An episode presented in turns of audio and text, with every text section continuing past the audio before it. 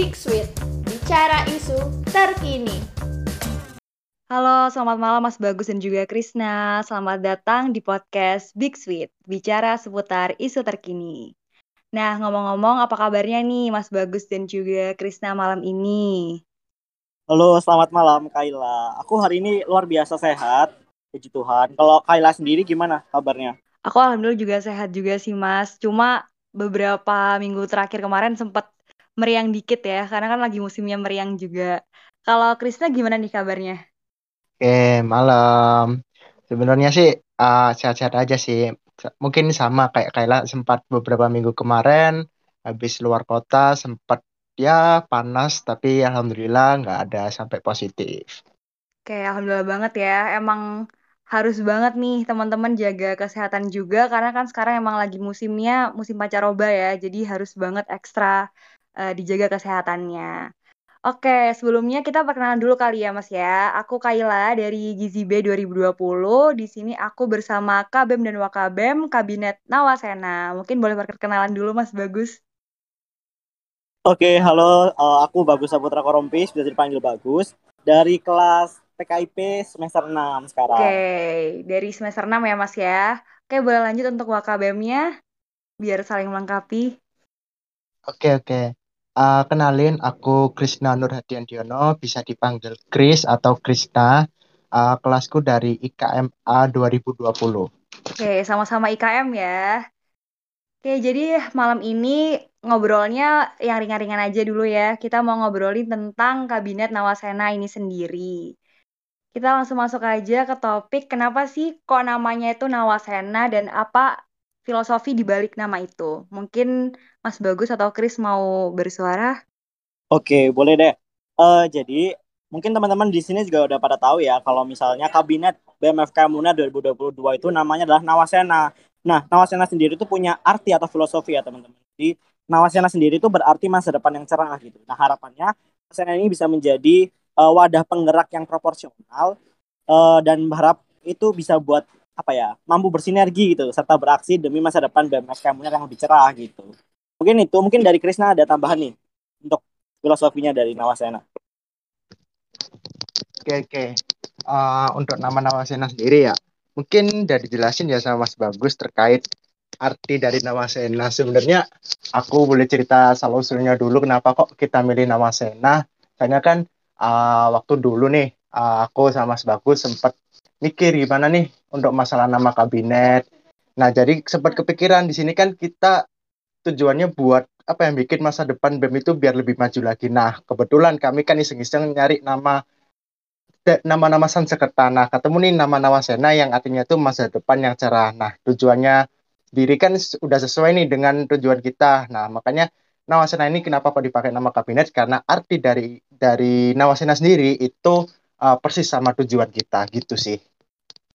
Iya, benar banget apa yang tadi dikatain sama Krisna ya. Jadi emang banyak banget pertimbangan pertimbangan-pertimbangan gitu sebelum kita akhirnya menemukan nama Nawasena ini gitu. Bahkan waktu itu kita mikirnya sampai malam gitu ya, karena emang uh, mungkin teman-teman nganggapnya kalau nama kabinet itu sepele gitu ya, tapi padahal sebenarnya nama kabinet itu juga akan mempengaruhi gitu terhadap uh, gimana pandangan kita ke depannya gitu di kabinet BMFK Muner gitu sih. Jadi secara nggak langsung juga jadi doa ya Mas untuk uh, kabinet Nawasena ini ke depannya seperti nama yang indah itu. Oke. Okay. Iya benar Oke, okay, jadi terus kenapa nih Mas Bagus uh, milih Krisna sebagai pasangan wakabemnya Mas Bagus ini? Kan banyak tuh uh, di antara sekian banyak kenapa harus Krisna gitu Mas? Waduh, ini pertanyaan personal ya kayaknya ya. Oke. Okay. Uh, alasan aku milih Krishna ya untuk jadi partner selama satu tahun ke depan gitu. Uh, pertama karena memang aku sudah kenal Krishna gitu ya selama dua tahun terakhir, mulai dari di magang PSDM dulu sampai satu tahun bekerja di personalia PSDM. Yang kedua adalah karena memang kinerja dari Krishna itu uh, bener-bener apa ya bisa diacungi jempol gitu ya, udah terbukti gitu. Gimana kredibilitasnya dia dalam bekerja, gimana tanggung jawabnya dia dalam bekerja, kemudian potensi yang dia punya gitu ya untuk bisa berorganisasi gitu. Jadi makanya aku milih Krishna dibandingkan dengan orang-orang lain untuk bisa menjadi wakil ketua BMS Kamuner gitu. Itu sih mungkin secara singkat ya, kenapa aku milih Krishna gitu. Kayak karena kinerja yang bagus ya masih organisasi. Kayak Krisna ini juga sat-sat buat-buat gitu ya orangnya ya, gercep gitu. Bener banget, bener. Dia tuh tipikal yang fast respon buat buat gitu bener-bener. Iya, oke. Terus kenapa nih Krisna sendiri kenapa kok juga mau nih menerima ajakannya Mas Bagus sebagai pasangan Wakabem nih?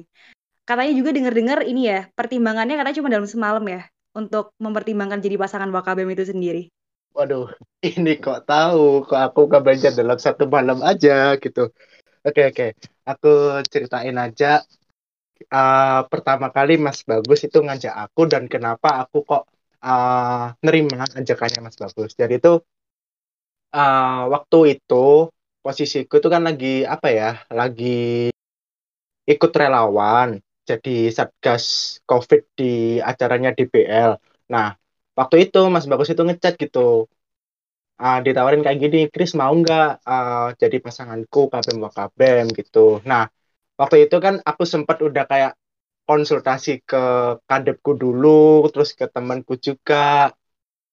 Ya, waktu itu masih belum serap, belum apa ya, belum uh, bener-bener fix aku nggak mau, tapi memang masih belum serap, masih bimbang gitu. Nah, uh, setelah satu malam aku curhat ke temanku, ke Mbak Niken, selaku kadepku dulu di PSDM. Akhirnya aku ya introspeksi sendiri juga apa sih yang yang kurang apa kenapa kok Mas Bagus milih aku gitu loh. Nah, akhirnya aku nerima ajakannya Mas Bagus besoknya.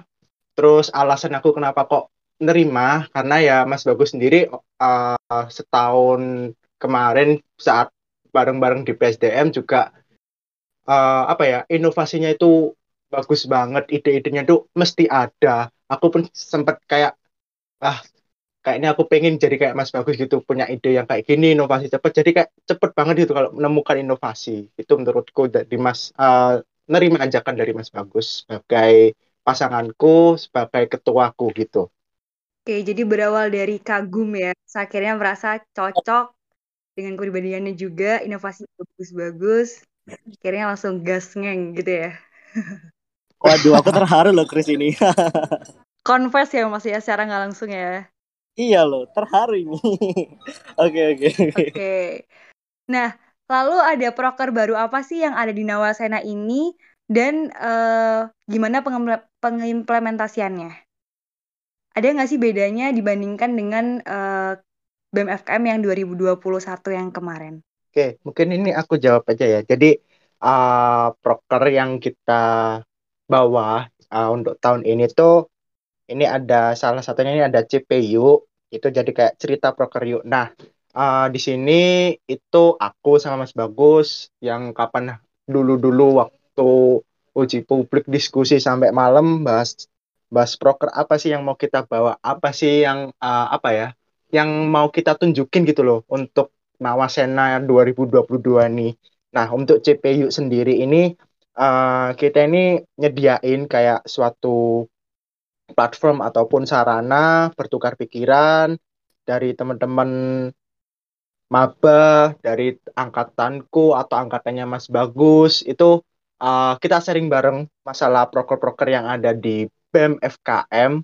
Nah, kita kan ini kan juga apa ya mau masa-masa transisi online ke offline. Nah, sekiranya kita dengan adanya proker ini yang kita bawa itu itu seenggaknya memberikan insight baru uh, pengalaman baru ke adik-adik yang nantinya bakalan uh, jadi panitia nah meskipun mereka mau online tapi kan kita harus juga apa ya harus punya plan offline nah mereka juga harus punya gambaran offline itu kayak gimana soalnya takutnya itu kalau kita nggak ada ini terus mereka kayak uh, apa ya gambaran tentang offline itu masih bukan maksudnya menjelekkan ya kayak masih kurang gitu Nah, itu yang kita antisipasi biar nggak nggak sampai kayak gitu. Nah, itu untuk uh, tujuan proker kami yang pertama. Terus yang kedua itu pansos. Itu pansos uh, kepanjangannya pengembangan soft skill. Nah, di sini kita uh, menyosialisasikan terkait dengan pengembangan soft skill. Nah, di BEM sendiri itu kan ada beberapa wadah tuh kayak LKM MTD, capacity building. Nah, itu yang uh, self development project. Nah, itu mungkin bisa sebagai apa ya wadah untuk pengembangan soft skill dari angkatan 2020 maupun 2021. Nah, selain itu kan juga uh, mungkin Arneta ya uh, maba baru masuk. Nah, itu kan ada magang. Nah, itu juga termasuk wadah kita untuk terkait pengembangan soft skill.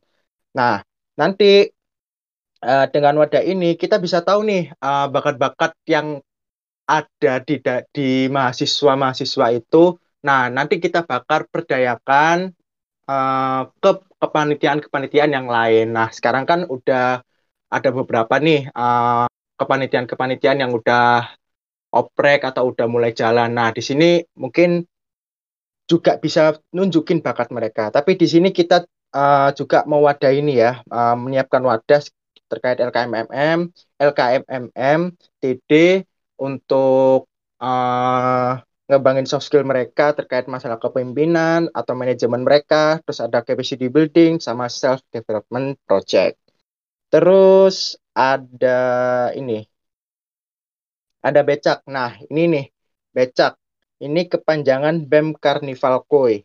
Nah, ini maksudnya tuh uh, aku sama Mas Bagus itu pengennya itu kayak ngerayain ngerayain hari jadinya BEM FKM UNER atau hari ultahnya BEM FKM UNER atau uh, bahasa setiap harinya tuh kalau kita di FKM tuh disnatalis lah disnatalisnya BEM FKM nah di sini kita itu uh, menyelenggarakan serangkaian kegiatan kolaborasi di BEM FKM UNER dari beberapa departemen, entah itu dari Kominfo, dari Rispres, APSA atau yang lain.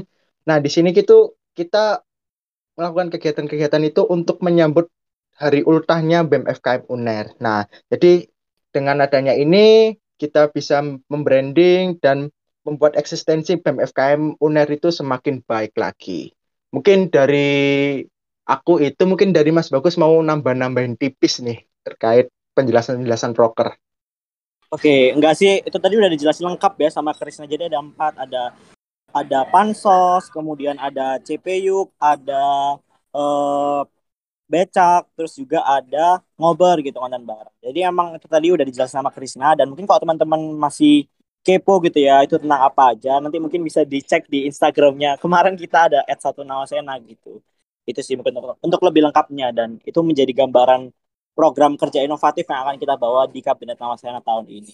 Itu sih jadi kalau buat teman-teman nih kalau mau tahu lebih lanjut bisa dikepoin lagi ya ke Instagramnya Satu Nawasena. Tapi nanti juga pasti bakal dipublikasiin juga kan ya Mas ke official Instagramnya BMFK Muner kan ya untuk email. Iya bener banget. Jadi jangan lupa juga ya follow at BMFK Muner itu wajib banget sih Instagram. Nah ini sekalian BMFK nih. Muner. Buat yang belum follow bisa nih langsung di follow Instagramnya BMFK Muner. Nah di era pandemi kayak sekarang ini ada nggak sih Mas perbedaannya uh, menjalankan broker online sama broker offline? Apalagi Mas Bagus kan dulu juga pernah ikut yang uh, BEM 2020 yang mungkin sempat offline. Oke, kalau misalnya ditanyain perbedaan ya antara online sama offline gitu. Ya jelas beda sih karena emang feel-nya itu beda banget gitu. Jadi ketika online yang sekarang dengan offline yang dulu ketika belum pandemi itu akan sangat berbeda rasanya gitu.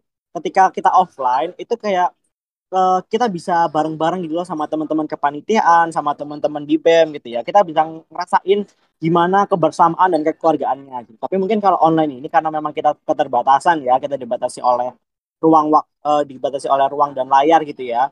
Jadi uh, mungkin akan sedikit berkurang ya antara rasa kebersamaannya itu. Tapi sebenarnya itu nggak menutup kemungkinan loh teman-teman buat buat tetap apa ya bisa bersama gitu meskipun secara online. Sebenarnya ada cara-caranya, cuman memang agak lebih susah aja gitu ya. Itu sih mungkin yang jadi perbedaan mendasarnya antara offline sama online. Tapi so far memang uh, offline sama baik itu offline maupun online itu proker-proker masih bisa dijalankan gitu loh. Asalkan kita memang tetap berinovasi dan beride terus gitu untuk uh, program kerja yang akan kita laksanakan. Itu sih mungkin dari Krisna mungkin ada yang mau ditambahin. Ke feel-nya ya. Iya sih emang aku pernah beda sih rasanya antara offline sama online gitu ya. Mungkin karena kalau offline tuh kita bisa ngeliat mukanya langsung, kita bisa tahu ekspresi mukanya, jadi kita lebih berasa aja ada temennya gitu ya dibandingkan online. Cuma keuntungannya online ya tadi itu mungkin karena uh, lebih fleksibel ya.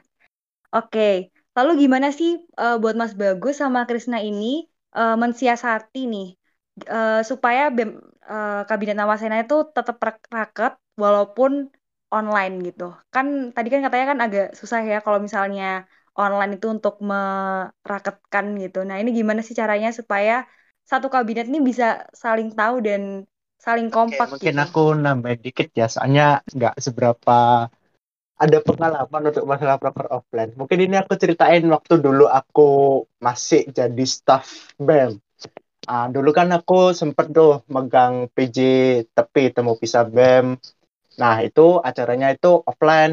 Nah di sini aku bisa bedain sih feelnya mana online sama offline itu kayak gimana gitu. Kalau online tuh ya mungkin uh, kita apa ya bisa enak gitu, nggak nggak harus ke sana ke sini nyiapin uh, sarana prasarana yang yang ribet-ribet jadi cuman nyediain zoom kita latihan share screen share screennya mana itu yang uh, agak lemot mana yang lancar kita pilih pakai yang lancar soalnya takutnya nanti bakal kendala di waktu hari hanya nah terus kita spotlight juga nyari-nyari nama-nama yang harus di spotlight seperti misalnya kayak budekan atau waktu punya sambutan dari ketua BEM atau pemateri. Nah, itu kita cari-cari nama tuh. Nah, untuk penyusunan acara pun juga simpel gitu, nggak harus uh, dekor sana sini, paling cuma dekor VBG dan lain-lain. Nah, kalau misalnya offline itu feel-nya dapet banget gitu. Bener kata Mas Bagus, kalau kita offline itu rasa kebersamaannya tuh kayak dapet banget. Jadi kelihatan banget kerjasamanya, kebersamaannya nyusun uh, suatu proker offline dari yang kemarin aku lihat sendiri pun dari adik-adik yang magang di PSDM itu kayak kompak banget meskipun mereka baru pertama kali ketemu uh, secara offline ya mungkin ya mungkin pernah ketemu sempat ketemu waktu acara-acara lain cuman aku lihatnya di waktu dia mereka di hotel lagi nyusun dekor nyiapin sarana prasarana itu kayak dapat banget kita kerja bareng dengan adik-adik yang mungkin pertama kali kenal, akhirnya kita bisa raket, bisa satu frekuensi, mereka juga nangkep apa yang kita omongin, mereka uh, kita juga nangkep apa yang mereka idekan atau inovasikan ke kita. Nah, itu kayak dapat banget feel-nya. Kayak gitu sih dari aku. Oke, jadi pertanyaan tadi kan gimana ya caranya buat merakatkan kabinet gitu ya meskipun sekarang ini masih online gitu. Sebenarnya jawabannya simpel, yaitu yang pertama adalah komunikasi uh, mungkin di sini aku sama Krisna ingin apa ya lebih mendekatkan ke teman-teman di kabinet Nawasena dengan sering-sering berinteraksi di grup kabinet. Kemudian juga ketika ada kegiatan atau prokernya PSDM kayak yang upgrading dan lain-lain, itu kan emang tujuannya untuk meraketkan ya, untuk bisa berkenalan dengan masing-masing anggota sebem gitu.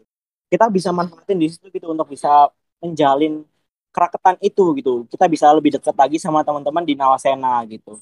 Mungkin itu lebih ke komunikasi sebenarnya. Oh dari Krisna gimana Krisna? Mungkin aku sependapat ya sama Mas Bagus terkait komunikasi. Soalnya kan uh, komunikasi itu apa ya sifatnya tuh kayak penting banget urgensinya tuh sangat dapet banget uh, di era-era online kayak gini. Nah, kenapa sih kok penting banget? Soalnya kan uh, selain komunikasi mau apa lagi? Soalnya kan kita juga nggak bisa ketemuan bareng, nggak bisa kayak uh, tatap muka dengan orang lain. Nah, salah satunya ya cuman komunikasi itu. Nah, contoh kayak proker dari PSDM yang Big Fams itu ngucapin ulang tahun antar staff departemen eh antar staff yang ada di BEM. Nah, itu kan juga apa ya? Kita di situ mendoakan staff itu, kita memberikan selamat. Nah, itu kan pasti kesannya tuh kayak staff itu kayak wah aku diucapin nih sama teman-teman staff yang lain. Selain itu juga kan ada BEM visit tuh. Nah, di sini kan juga kita nunjukin uh, keraketan BEM FKM kita tuh kayak gimana. Per departemennya itu kita tunjukin bareng-bareng gitu. Biar apa ya kesannya BEM yang lain ngelihat kita tuh bener-bener raket. Nah, ini kita tetap lah apa namanya uh, jaga komunikasi kita. Pokoknya apa ya kayaknya ghosting atau gimana itu kayak inilah kendala yang mungkin bakalan muncul nantinya mungkin di pertengahan-pertengahan itu nah inilah uh, apa ya uh, tantangan dari aku sama Mas Bagus buat tetap ngehidupin Nawasena nanti di pertengahan tahun atau akhir tahun yang di mana di situ pastinya bakalan ketemu titik jenuhnya para staff, para kadif dan sebagainya itu pasti dapat. Nah, di sini kita tantangannya di situ nantinya. Pokoknya intinya komunikasi number one. Oke, noted banget ya, komunikasi number one. Oke, last but not least nih, apa sih harapan untuk Nawasena dalam satu tahun ke depan dari Mas Bagus selaku KBM dan juga Krisna selaku AKBM? Oke, mungkin boleh Krisna dulu deh yang jawab nih harapan. Oke, oke, oke. Saya tadi udah pas bagus terus. Oke, harapanku untuk Nawasena ini sesuai dengan arti Nawasena sendiri ya, masa depan yang cerah.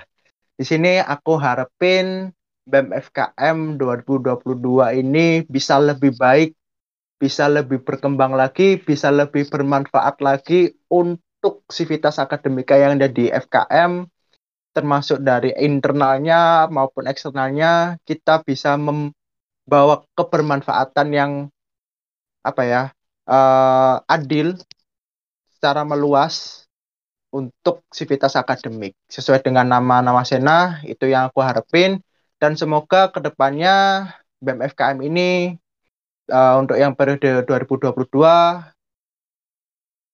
setelah nanti selesai masa jabatan tetap saling menyapa dan tetap raket seperti kita saat dulu uh, menjabat. Kayak gitu sih harapanku untuk Nawasena. Oke, kalau dari Mas Bagus mungkin mau nambahin harapan untuk Nawasena dalam satu tahun ke depan? Oke, kalau dari aku sendiri uh, simpel sih harapanku. Harapanku Nawasena bisa menjadi uh, keluarga yang raket ya gitu. Keluarga Nawasena bisa menjadi keluarga yang hebat, yang raket gitu ya. Karena memang nanti kita akan bersama-sama melaksanakan satu periode kepengurusan ini gitu. Jadi semoga kita semua bisa bekerja sama gitu ya dan berkolaborasi dengan baik selama ke depannya. Itu aja sih mungkin harapan dari aku simpel. Oke, amin. Semoga harapannya Mas Bagus dan juga Krisna terwujud untuk uh, Kabinet Nawasena dalam satu tahun ke depan ini. Oke, untuk penutupan terakhir, mungkin dari Mas Bagus dan juga Krisna, boleh kali ditutup dengan jargon dari Nawasena itu sendiri. Oke, boleh deh. Yuk kita sama-sama ya jargon Nawasena, Kabinet Nawasena. Oke. Kabinet Nawasena. Satu aksi. Satu aksi. bersama, bersama membangun Nawasena. Nawasena. Oke, baik. Terima kasih Mas Bagus dan juga Krisna. Semoga eh, teman-teman uh, yang kepo nih tentang Kabinet Nawasena pada malam hari ini udah terjawab semua ya. Mungkin kalau misalnya mau tanya-tanya lebih lanjut lagi, bisa langsung ke Instagram BMFKM Unair atau bisa langsung ke Instagram Mas Bagus sama Krisna juga ya. Iya benar banget. Jangan lupa follow BMFKM Unair ya teman-teman. Oke, kalau gitu sampai jumpa dan selamat malam. Selamat malam.